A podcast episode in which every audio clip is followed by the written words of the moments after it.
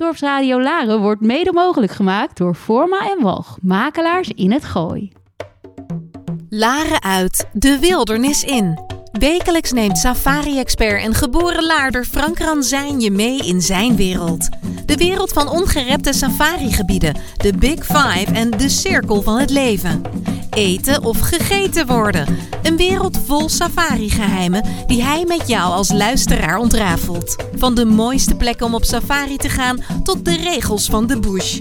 Samen met prominente gasten uit de natuur- en conservationwereld neemt Frank je mee, Laren uit, de wildernis in.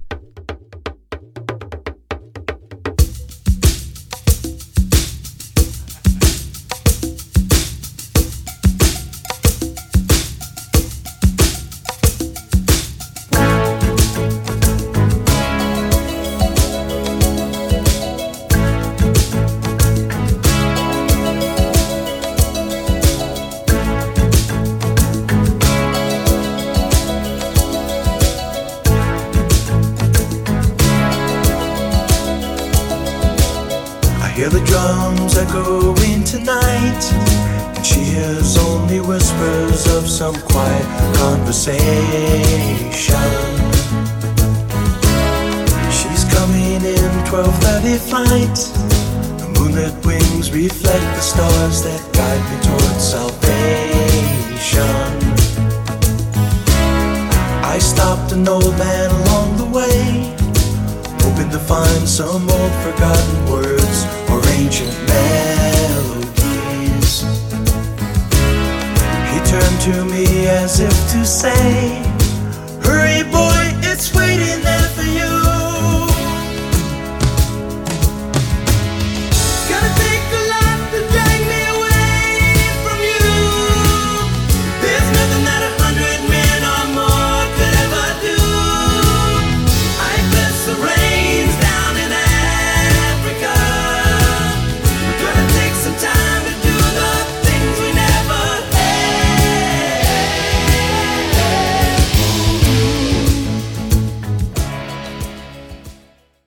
Een hele goede middag aan de luisteraars van het infotainmentprogramma Safari Geheimen.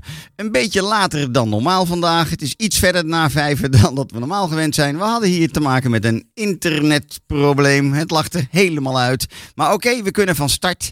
Vanuit de radiostudio van Dorpsradio Laren in het Gooi. De zender voor Laren en omstreken. En natuurlijk verder buiten. Wanneer je meeluistert via de Dorpsradio app of via de website. Mijn naam is Frank Ransijn, oprichter van Safari Secrets. De safari specialist voor het meest ervaren safari-advies. Wanneer jij op reis wilt naar Safari Afrika. Ik heb meer dan 30 jaar reiservaring in de pure bush van Afrika en India. En inmiddels ben ik 26 jaar persoonlijk reisontwerper voor echte once-in-a-lifetime safari-reizen. Deze week is een heugelijke week voor mij vanwege het eenjarig bestaan van Safari Secrets. Een bijzonder jaar met hier en daar wat hobbels, maar ook hele mooie momenten waarin ik besloot mijn eigen pad te gaan volgen. Safari Secrets werd een feit en mijn podcastserie Mijn Afrika, Mijn Wildlife ging van start op 1 maart 2021. Vandaag in Safari Geheimen een Safari Hero uit Botswana, die ik al heel wat jaartjes ken. Een man vol ontzettend mooie verhalen uit de bush van het geweldige Botswana. Private Guide, Top Guide Rob Barber van Golden Africa Safaris. It's time to switch into English now and welcome my guest of today, Mr. Rob Barber. Rob, can you hear us? Hi, Frank. Yes, I can. Can you hear me? Okay? Yes, very loud and clear, Rob. Um, thank you so much for being on the show and apologize for the bad start we had. Um, let me tell the listeners what just happened. You you told me on WhatsApp we might have a, uh, um, a power cut and then internet will be uh, out on your end of the world in Botswana in Maun. And then what happened here in Holland? we didn't have internet anymore. Uh, it was It's just amazing. yeah, it was actually, and uh, I, I I couldn't believe it, but that it was happening. But we are on, uh, we have internet again, so that's why we can be in contact together. Um, let me introduce you a little bit more properly, Rob. Rob is the founder and owner of a very special private mobile safari company. Who is who is offering its clients private tailor-made safaris? These private guided safaris are what we call the so much life-changing experience in the African bush. Rob is one of the most passionate top guides in Botswana, who is full of great stories and knowledge, and which makes him one of these character guides, as we call them. And being on safari with him means welcome to Rob's world of nature and wildlife. His campfire stories are famous, and yes, how it should be near the campfire. The lions and cor- or crocodiles are always twice as big as they really are. Rob, again, we have to uh, we have to uh, start right away. Um, please do tell us your story about who is Rob. What is what is what, how is your life? tell, tell us about it as as a top guide in Botswana. Sure. Thanks, Frank. That's an amazing introduction. I, I was just thinking, hey, who's this guy, Rob? I need to meet him. That's really kind of you, Frank. Thank ah, very but much. that's what you are. no, but Rob, uh, seriously, uh, can you just tell us a little bit about yourself and how you ended up in in this work? Uh, after all, Yeah, of course, with with the greatest of pleasure. And thanks, Frank, for for having me on your your radio show and your podcast. I really appreciate it, especially with a professional like yourself who knows this industry so well. It's a real compliment to be invited to join you. So thank you to you first and foremost. Um, yeah, a, little bit about myself. So I'm uh, I'm born in Tanzania. Um, I'm a seventh generation uh, African born lover of the bush. Um, and uh, but I was educated in the UK, so my my exposure to the bush was from a young age.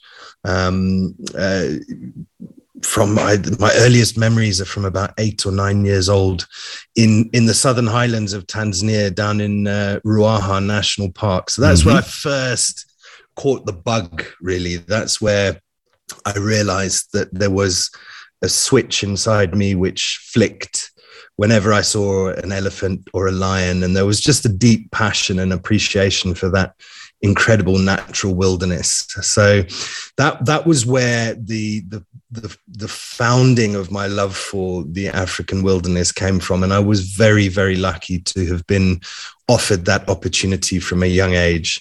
Um, so that that that's where it all grew from. Um, but how I got to where I am now was a, a long and very hard journey, um, Mhm. eh, and it's it's it's taken the majority of my lifetime really to to get to where I am. And I, you know, I think with all all people who run their own businesses or who have entrepreneurial flair, you're never quite totally happy with where you are at, and you're always looking for yeah, for more. So um, for for me, the big changing point was at university. Mhm. Um, I realized I'd lived my life as a kid telling myself, um, I'm going to go and work in the bush. I'm going to be uh, in the wilderness and in wildlife. And I found myself in Bristol in the United Kingdom um, on a sort of a, a rainy September afternoon in around 2002 with absolutely no plan, with no direct route, um, and with no opportunity. And I had to spend my last year at university seeking out any opportunity I possibly could. And around that time, this amazing thing called Google had just been invented, plus or minus a year or two. So we were able to search for safari companies Yeah. um, online. And I, I, um, I just searched for safari companies and I wrote a covering letter tailored to each one and told them why I would be brilliant to work for their organization or for their camp or their safari company. And I sent off my CV to about 500 different um, companies that I Uh-huh. found. Um, over the course of a year of sending these CVs, I got three replies. Um, two said thanks, but no thanks. And one said, well, come for an interview. yeah. Um, and that interview happened to be for a safari company here in Botswana. So by the end of 2003, I was Mhm. offered a job out here. Mhm. Um, and there's some real serendipity to today, Frank, actually, because today, the 2nd of March, Mhm. um, 2022, is the 18 year anniversary of when I first set foot here in Botswana. Ah, really? Um, anyone who may know me on LinkedIn, uh, Rob Barber, um, you'll see I put up a post today with the stamp in my passport arriving on the 2nd of March 2004. So it's a very poignant day for me and it's a day of celebration. So it was for me. Yes, even more brilliant that I get to hang out with you on a on a podcast and a radio show. Yeah. And, and for me, the special day was yesterday. Uh, I, I was celebrating my first year of Safari Secrets uh, yesterday. So um, Oh, we are a little bit in the same uh, celebration week. and, but- Ah, fantastic. But but tell me, Rob, why? Um, eh, because you said you have sent out all those letters uh, uh, to get into this business. Did did you try that in Tanzania also, or you always wanted Um, to be in Botswana? No, I didn't. I didn't, and I'll tell you why I didn't try it in Tanzania. Um, Tanzania is the place of my birth. It's where my family Mhm. is and has been for a few generations. Mhm. And I could have taken that opportunity, but it would have been nepotism. I would have been pulling favors. I would not have been doing it off my own back. And I think that there is something with a lot of young men that we need to go and carve our own path in the world. And I did not want to carve a path for myself which relied upon other people pulling favors for me. So I made a very conscious decision not Mhm. to pursue Okay. anything in Tanzania Yeah, clear. for that exact reason. Yeah. Okay. Um, and and uh, may I ask you? You said I, I had my first job in, in, in the bush. May I ask for who you start working at that time? Sure, of course. But the story actually goes back beyond that because I think when you talk about safari tourism, I think you need to talk about the broader industry of travel, tourism, and hospitality. And actually, my first job in that umbrella was clearing glasses at a local bar when I was 12 years old. So I think that element of service and looking after the fellow human being started at a very young age. Yeah, Um, yeah.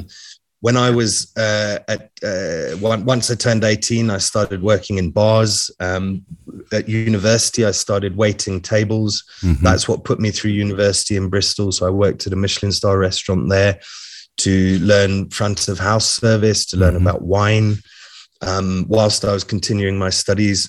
So, um, and then on my gap year, my year between school and university, I split it between a, a ski season, which is skiing is my other massive passion. I'm actually going skiing in the French Alps next week, which I can't wait Ah, for. Um, nice. uh, so I did a ski season where I was doing everything from the washing up to cleaning behind toilets with a toothbrush to making beds um, and scraping snow off of balconies. And then in Tanzania, also, I, I'd spent um, six months working.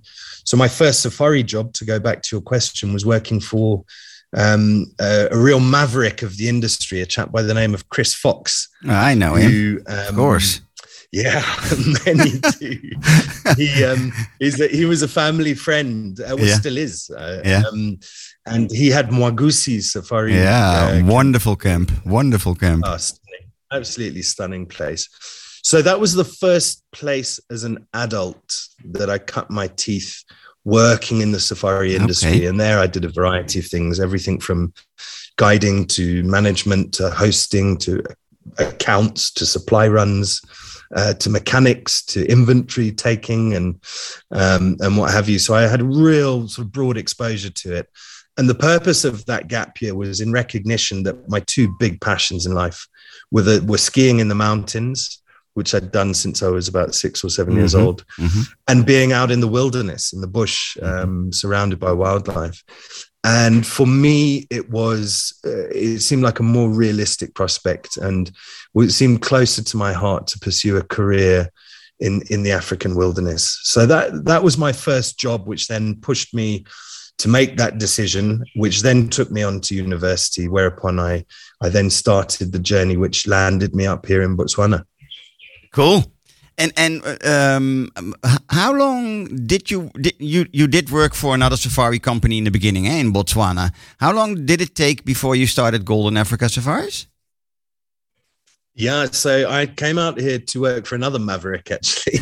there seems to be a pattern here. Tell me. I worked for another very well known chap in the industry by the name of Ralph Bousfield. He's the Oh, son oh, of, yes. uh, That's even you know Ralph very well. yeah, I'm it's sure. even a bigger name. yeah. He, he became one of Thanks those TV TV stars later on in his life. That that's right. Yeah. That's right. Yeah, he had his Yeah. own Discovery Channel show. yeah, yeah, yeah, yeah, yeah, yeah. Which was actually the name. Well, it's still the name of his safari company, and- Uncharted and- Africa Safari Company. And did you work for him uh, in in in Jack's camp, or did you work on his mobile? Uh, uh, No, I was running his mobiles. Okay. He actually turned me down for a job first up. So we met in November 2003 and had I had my final interview of three interviews for for the job and he actually initially turned me down. Um, so I thought, oh God, what am I going to do? And I went off trying to find other jobs. And he phoned me two weeks later and said, I've got a job for you, and it's running our mobile safaris. So oh, I apologize for that. no, no Sorry. problem, no problem. On silent. Sorry about that. Um, There's no problem. So um, I, I jumped at the opportunity, and he said, "Right, we want you here at the beginning of March." And I, yeah, I, I, I took that opportunity to come and join him running his mobile safaris. And back then, uh, anyone who who may know of Ralph or his the quality of his product, Yeah, yeah, yeah. was real top shelf stuff. Yeah. So I was thrown in at the deep end with a really high quality outfit. And I'll be honest, Frank, I did not have the first clue what I was doing. All I knew is that I was a kid with an opportunity who wanted to break into this industry. So I spent the year working there um, for Ralph, but it seemed that the direction was very much going to be probably staying in management. And actually, all I wanted to do was get out and, and guide safaris. Yeah. Um, so I Because how old him- how old were you when you when you worked for uh, for Ralph? I was 24. Ah, 24. Um, Still a young uh, young lad. Yeah. Yeah. Yeah, yeah, yeah. I'd, I'd graduated from university in the Yeah, November of yeah, 2003. And um, yeah, a few months later, I was out there. So it was, uh, and I think a 24 year old sent across to uh, foreign land, um, given an amazing opportunity. I was perhaps ill equipped, not quite ready for the responsibility that lay on my shoulders. Mhm. Um, but the exposure that I received to the industry was, uh, I mean, it was incredible. Mhm. Um, so I worked for him for a year, and then um, we parted ways at the end of 2004. Um, and then I started this business on uh, in the middle of March 2005 um, which was around about the same time that I um, was sitting my professional guide license exam Yeah. with the Botswana Department of Wildlife Yeah. and National Parks. Yeah. I, I got first time, fortunately. Um, so I passed all my guiding exams, um, started my business, got all my paperwork in order. Mhm. Um, and then I started taking whatever guiding jobs I could. So for the first year, uh, it was it was interesting. A lot of the the jobs that we got at the bar, you know, you'd be there with other guides and safari camp owners would be coming in for, you know, a takeaway burger from the bar, and they'd say, "Hey, I got a trip next week. Can you do it?" Yeah.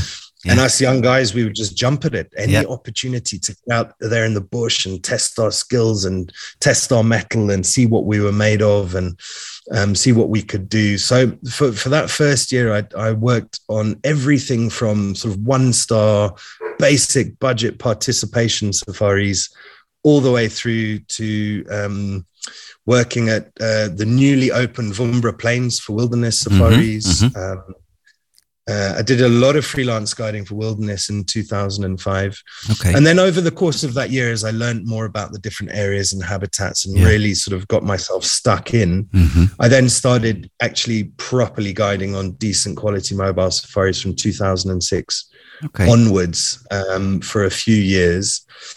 Um, so whilst that was growing, and whilst I was um, learning just about every single bit of road and off road in every single national park and game reserve in Botswana, um, I was also at the same time reinvesting into my little business I'd set up, and Mhm. and I set up a website, and you know, word of mouth inquiries would come, Mhm. and I'd start to service them.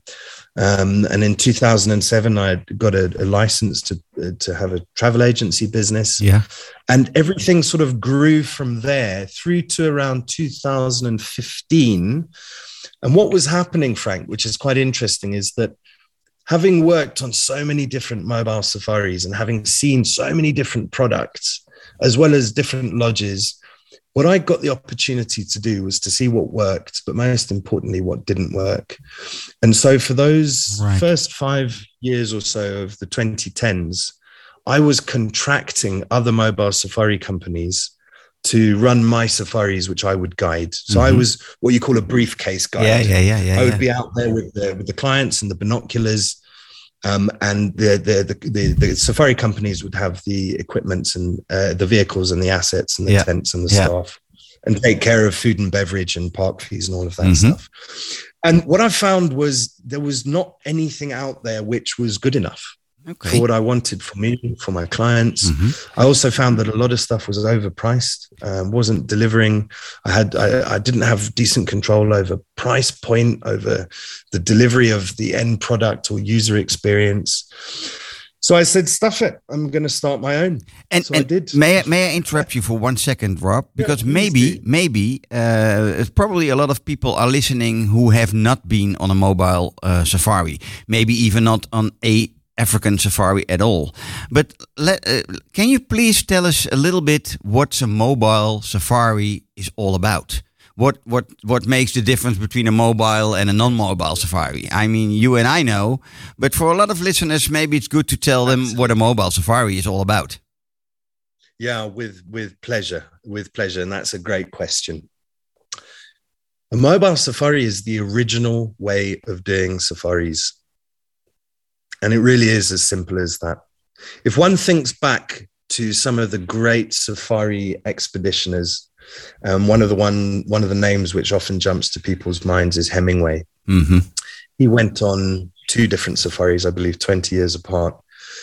And when he was um, going on safari, albeit for hunting, and we are not operating hunting safaris, he was going on a safari, and a safari is the Swahili word for a journey. Now, a mobile safari truly embodies and encapsulates the spirit of the original word safari. We take people on journeys. Now, the logistical differences are that a lodge generally tends to be in a fixed location. hmm It doesn't move. Its tents are permanent. It has a fixed office, kitchen, workshop, garages, etc., etc. What we do is that everything packs up into a big seven and a half ton truck. We take anywhere from 10 to 15 tons worth of equipment out into the bush with us. We go to a wilderness campsite area the day before our guests arrive, and we set up a huge camp, big tented camp. And we use that camp to explore the area, to satellite in and out of camp and the different habitats found in that area. And from there, we will then break down camp. And what we tend to do is put our guests into a really nice lodge somewhere with maybe a different habitat diversity. And our camp packs down into the back of that truck with absolutely everything in it.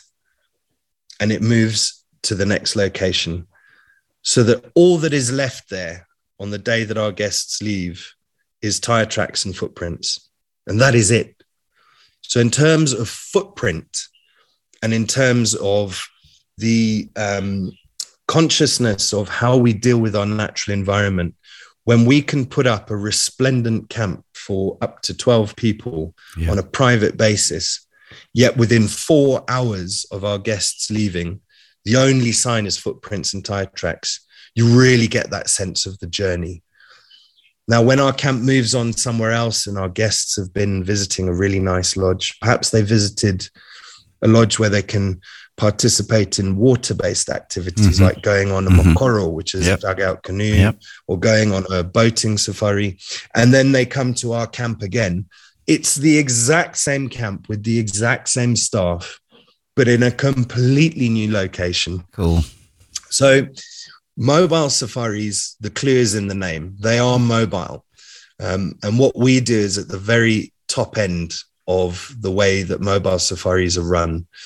Um, so I hope that answers. The yeah, yeah, yeah, exactly. But I think it's very, yeah, it's very uh, nice for people who haven't been on a mobile safari itself, uh, it's probably still very difficult to imagine exactly what it's all about. But I think you, you, you um, um, yeah, you described it wonderful.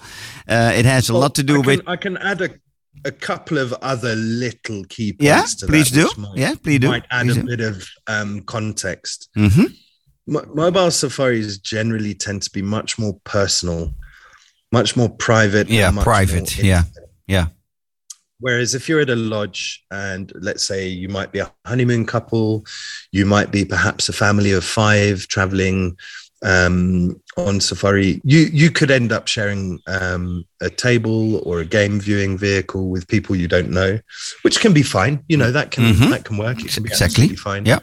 But I think the the way that we do things is that we we only operate for the group that comes with us, and we're a husband and wife family run team. So there really is the touch of the personal.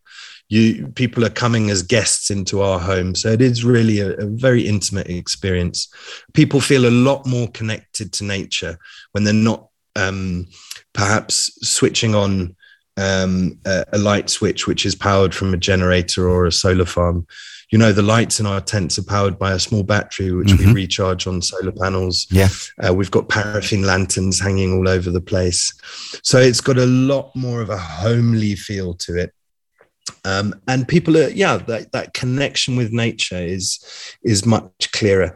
How can I say? Let's call it barefoot luxury. Um, that's a really lovely way to explain what it is that we do out there, deep in the wilderness, surrounded by exactly, incredible exactly. flora and Yeah. fauna. Yeah. Yeah, and to me, it's so much more about bonding with your family or with your friends. If you are uh, going on a mobile with friends, it's so much more authentic. It, it, it's the word, of course, it's often be used in, in safaris in Africa, but I think a mobile is more or less real authentic. Um, and so it, it, it is I agree. yeah it is so much so much more of a life-changing experience you you call it on your website i think and that's what it that's what it actually is i think Yeah, absolutely. Yeah. I, I think one one of the things to to recognize about the safari industry um, over the last hundred years is that it has been incredibly commoditized. mm-hmm. Um, there are a lot of very very clever accountants out there who have worked out how to make very high luxury safaris yeah very expensive whilst costing them very little money and keeping that money offshore away from where the money should Yeah, be spent. yeah, and yeah. There's, there's a lot of companies that have done that. And I, that commoditization can also lead to a sterilization of Mhm. the experience. Exactly. And that's something that we've sought to get away from. We've we've sought to make sure that the way that we approach um, is from a very human angle and recognizing that our guests in our camp are people and are not numbers. And i think if you don't choose the right person to book your safari for you or if you choose to take something because it's the cheapest option, well, then uh, you you do get what you pay for, unfortunately, and that's where we've carved on a niche for ourselves, is in really operating those very um, more personable human safaris, which are much more connected um, at a level which leaves our guests feeling that the value that they have received for what they've spent is enormous hmm and recognizing that people come to Africa for the wildlife, but they return for the people. And I think that's the easiest way to sum Yeah. it up. yeah yeah what what makes botswana to you um, different or outstanding from any other safari destination rob can you can you uh, explain a little bit about that I, I wouldn't even know where to begin because Yeah, the please do. enormous.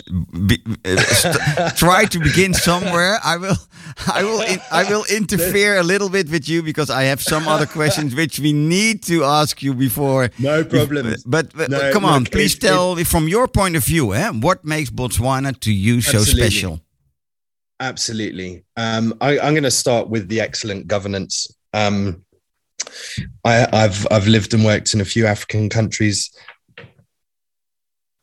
I've taken safaris um, all over the place, from from Gabon to Kenya, all the way down to Botswana, Namibia, uh, Zambia, Zimbabwe. I've I've got a fair amount of experience, but Botswana's governance um, of its natural resource is second to none.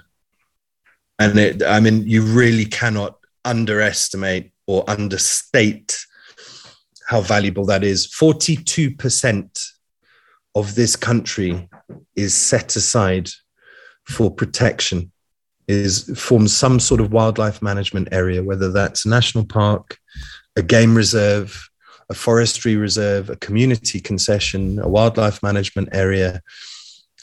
So the fact that we're talking about a country the size of France and over 40% of that is set aside and afforded protection is a global leading statistic and that has come from the top down. And that is something that Botswana should be applauded for. So, why is it different or outstanding? I would put that as one of the greatest facets to celebrate about this country. You combine that with the fact that there's a small population of uh, around 2.2 to 2.5 million. I think we're due a census soon, so we'll we'll know those details better in in good time. But you've got about two and a half million really just very wonderful, gentle, good people. Um, I've made this my home for the last 18 years, and that certainly would not have happened if it was not for the nature of the people who live here. Um, and I, I, I, I love this country and I love the people that are in it. Now, take it a, a step towards the wildlife. We've got the largest elephant population in Africa. Nobody really knows how many elephants we have left on the continent, but the ballpark figures sit anywhere from around 400,000 to maybe 550,000. Botswana has between about 140 and 220,000, and that varies through seasonal migration. Um, combined with that, you know, Botswana is part of the Kaza TFCA, and I'll spell that out. The Kaza is Kavango Zambezi, and the TFCA is the Transfrontier Conservation Area, mm-hmm. which is the five countries of Botswana, Namibia, Angola, Zambia, and Zimbabwe. And I think plus or minus 15 national parks and game reserves, all forming this enormous conservation area across five countries. It's a truly inspirational undertaking. And whilst it does face a lot of challenges, the long term prospects for wildlife and the communities that live within those areas is immense. So that's another reason I love this area. The predators. Everybody wants to see lions and leopards and cheetah and wild dogs and hyena, and we have got them in droves. We are so blessed with the predator sightings here in Botswana. Yeah. And one can almost design a safari specific to desire to see a particular predator. Um, and I've done it in the past. I've had people say, Hey, we just want to see wild dog pups. Mhm. So I've said, Okay, well, then you will come around this time of year Yeah, exactly. and you will stay for three weeks and we will go to these particular locations. so, you know, we can drill down into those kind of Yeah, details nice. because we've got such incredible predator Yeah. um, populations. Another aspect is the habitat diversity. Mhm. Everybody's heard of the Kalahari, but really, what is the Kalahari? The Kalahari is the biggest con- continuous piece of sand on the face of the earth. It's bigger than the Sahara. It starts from just north of Cape Town and extends up into the Congo Basin, and it spreads throughout most of um, central southwest Africa.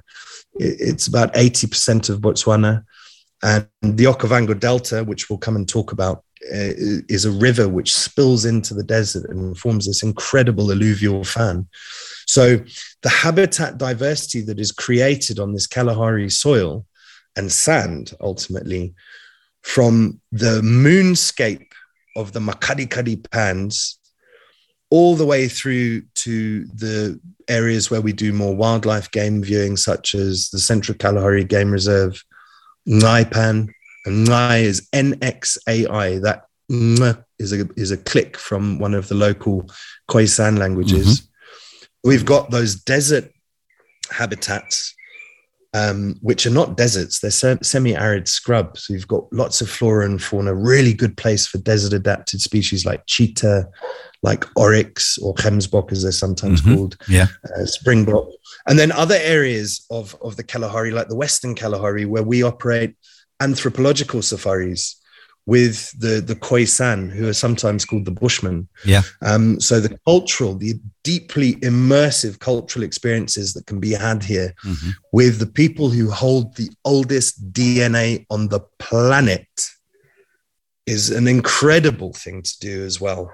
Um, so you combine all of that with the as from a business perspective the the ease of doing business and the the the the way in which uh, the private sector relates with the public sector certainly compared to Af- other african countries um it- I, I I look at it and I know it's no wonder that I've stayed here for 18 years. It's a just a magnificent country. What a great story, Rob. I, I love it always to listen to you. uh, yeah, but come on. Uh, uh, uh, um, you're also quite uh, heavily involved on, um, uh, gosh, what's the. Um, oh, I can't come up with. Oh, Clubhouse. Are you are you thinking about the um the COVID response? Or Sorry. are you thinking about the community trust? Um No, I was just uh, uh, trying to find the. the uh, you, you're quite uh, heavily involved on Clubhouse also. Um, Yes. and, and, uh, so I've listened to your stories quite a quite a lot uh, in that last year uh, during COVID times. Uh, uh, uh, that's correct, yeah. Um, No, but wonderful. It's wonderful how you tell uh, uh, and and and how you show your passion your passion about Botswana. That's what. That's maybe just it. Um, let's let, let's ask you um, because we just have about a small eight nine minutes left. If you want to be a little bit more involved in the conservation side of of and and I know that's maybe not a, an easy uh, an easy question to to answer. Going to Botswana and you still want to see something of what they do on the conservation side. Can you help clients? Can you help clients with getting to see a little bit of that? Um, yeah, I the, the simplest way to say that is that uh, as I as I was just saying, the entire country is a conservation success story. So any tourist coming to Botswana, whether they are directly involved in any kind of conservation initiative or not, they are benefiting the country and the protection of its Yeah. natural resources. Yeah, that's for sure. And Yeah. so Yeah. quite, at at the very at the very simplistic level of just arriving and being here on safari, that money, depending on which safari company you book with, that money tends to be staying in the country and going directly to the sources that it's needed. Yeah. So just by turning up as a tourist, if you're talking about hands-on getting involved with conservation, um, I, there's a few ways of doing it. There's philanthropy, Yeah. so people can donate to research projects which are ongoing. Um, But I find those. I found those research projects always very difficult to to connect clients with those field workers because yeah they have Yeah. other they have other things to do. I know they they just It- don't want to be bothered by clients. I know. Um, no, it's difficult, but it is doable. Okay. It can it can be done if it's managed the right way. Um, uh, I think I think in terms of getting involved with conservation, I would give a cautionary warning, which is be be beware of greenwashing. yeah, yeah, because exactly. there are a lot of big corporate safari companies that greenwash yeah, yeah, yeah. and actually put incredibly small amounts of money Yeah. Into anything of any value because they're keeping all of their funds offshore in Mauritius or wherever. Yeah, yeah, yeah, yeah, yeah. No, I'm So talking about the general. very- talking about the genuine Yeah. stuff, uh, Rob. Like it's it's a little bit like you just saying that if clients said, "I want to just come out, uh, go out there and and look for wild dog puppies." I have I've had Yeah. many clients who want to go out and only to see leopards, uh, and if you can Yeah. connect them to a leopard study project for just half a day for just a couple of hours to let them show my client what it's all about what they're doing and of course i will i will ask my client before they go on that trip already if they want to do a donation for that because of course, it, it, it's going both ways, you know. Uh, and I know that that's a little bit of the difficult stuff, but that's a little bit how I look at it. Uh, if people are very interested in those kind of things. Yeah, I th- and look, that can be done. I've actually got a, a safari um, that I've just quoted on for uh, April 2023 with 20 people. Um, and and and we're we're doing that. I'm Yeah. already engaging with three different research organizations. Ah, nice, nice. to come in and give talks um, and to share their knowledge and wisdom Exactly, that's what I'm of- talking about. Yeah, yeah, yeah, and yeah. that's very much that's very easily done so um yeah it, the prerequisite though frank is there's got to be a donation yeah. But come on, I mean, research yeah, but they've got to eat something those researchers Y- yeah, but, uh, always, always need to consider throwing you know 500 or a thousand dollars into the kitty on on top of the cost of the safari to, yeah, yeah, yeah, yeah. you know exactly. their while of course And I but think- you know that Yeah, and clients who are interested in those kind of things, they are more than willing to uh, do a donation for that. They they, they know, and and then again, it's up to the travel agent to properly inform them on forehand, of course, and not just afterwards. Uh, that that's my job. um, do you have uh, do you have advice when traveling with kids to Botswana? Where to go or not to go? Is there is there specific places or areas where you say go great- with kids? great question Yeah. Great, great question. Um, and the simple answer is to where not to go is no, um, because is fabulous. Um, what you find with Botswana is we've got a very mature tourism industry here. It's been around a long time and it's run by some consummate professionals who know what they're doing. Mm-hmm. So, organizing a safari for a family with kids, um, or doing an intergenerational or a multi generational itinerary is very easily done. I mean, that's our that's our bread and butter. Ultimately, most of what we do is uh, family groups between about six and ten people. It might be, you know, let's say uh, a couple of sisters uh, coming together to celebrate a birthday, bringing the husbands and three kids each, or it might be the grandparents celebrating the 50th wedding anniversary and bringing, you know, the two generations below them. Um, so that is that's that's done a lot, and what an experience for families that is. It is so much fun, and actually, those are the safaris that I really love guiding the most. Okay. One of the things about doing those trips is that we always make sure that we've got a specialist um, kids guide on board as well. Ah, Someone okay. Okay. who's Cool. going to really occupy the kids. You know, when Yeah. when when when we've been out on a morning game drive, everyone's had their lunch. Maybe the adults have had a glass of Sauvignon Blanc um, afterwards, and the eyes a little bit lazy. And the adults are looking at that book which they bought in the airport on their way out for their safari, and they've got to about page three, and they want to have a snooze the kids definitely don't like the kids want to engage they want to know what's going on so during those hot afternoon hours when the adults are taking it easy having along a guide who's going to engage with those kids with sort of workbooks um, Yeah, activity yeah, yeah. books going picking up elephant dung doing tracking looking at insects learning about plants listening to the birds starting to learn how to use binoculars maybe how to take photos properly.